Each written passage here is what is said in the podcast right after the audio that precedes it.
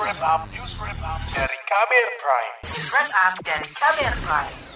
Bapak Ji. Selepas subuh, Rifan Ramadana dan kelima rekannya bersiap berangkat.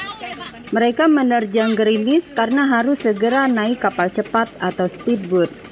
Jika telat, air keburu surut, kapal tak bisa jalan. Rifan dan kelima rekannya adalah tenaga kesehatan di Puskesmas Bekawan, Indra Giri Hilir Riau. Mereka sedang menuju lokasi vaksinasi COVID-19 di Desa Cahaya Baru. Desa ini tak bisa diakses lewat jalur darat. Setelah hampir satu jam menyusuri anak sungai Dusun Baru, kapal mulai berjalan pelan.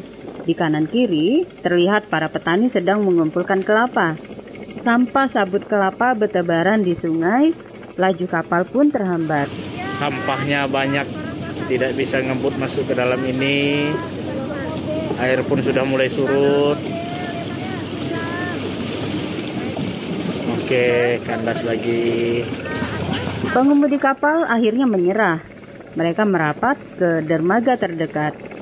Perjalanan mesti disudahi dan disambung jalur darat dengan berjalan kaki. Ternyata kondisi sungainya begitu berbahaya. Sepertinya singgah di sini dulu di dermaga untuk melanjutkan perjalanan.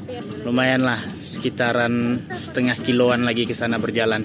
Semangat untuk tim vaksin. Setengah kilo lagi kita berjalan ya. Oke. Mereka terpaksa melepas sepatu karena jalan yang becek, berlumpur, dan licin. Gerimis pun tak kunjung reda. Mel. Pelan-pelan ya. Oh, nih.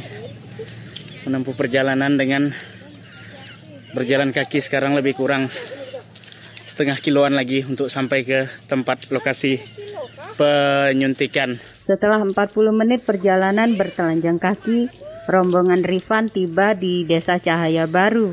Lokasi pertama vaksinasi di rumah salah satu warga. Belasan orang sudah menunggu di sana. Oh, tidak banyak karena kenapa tidak di kantor desa tadi ya karena kondisi dari pagi memang hujan sampai sekarang masih gerimis. Ini vaksin pertama ya Pak Iya, ya? pertama. Ada ada penyakit Total 4 rumah dan satu warung mereka datangi dengan bekal 40 dosis vaksin. penyakit kelainan darah. Muslim, warga desa setempat, antusias menerima vaksin dosis pertama. Ya agak lebih nyaman, imun tubuh kita bertambah kuat. Jadi kita mau ke mana-mana kita tidak khawatir lagi. Sebagai rasa terima kasih, beberapa warga memberikan hasil pertanian tim nakes dari Puskesmas Bekawan itu. Rifan dan kawan-kawan terharu. Kerja sambil mendapatkan hadiah dari masyarakat setempat. Halo, dapat nangka semuanya. Daun serainya, Ini daun pisang daun guys. pisang sama pisang pisang. Jelang sore, tim nakes Puskesmas Bekawan bergegas ke dermaga untuk pulang saat air pasang. Jadi ya vaksinnya. Kita di sini aja ya kegiatannya ya. Mereka dicegat seorang warga yang minta divaksin.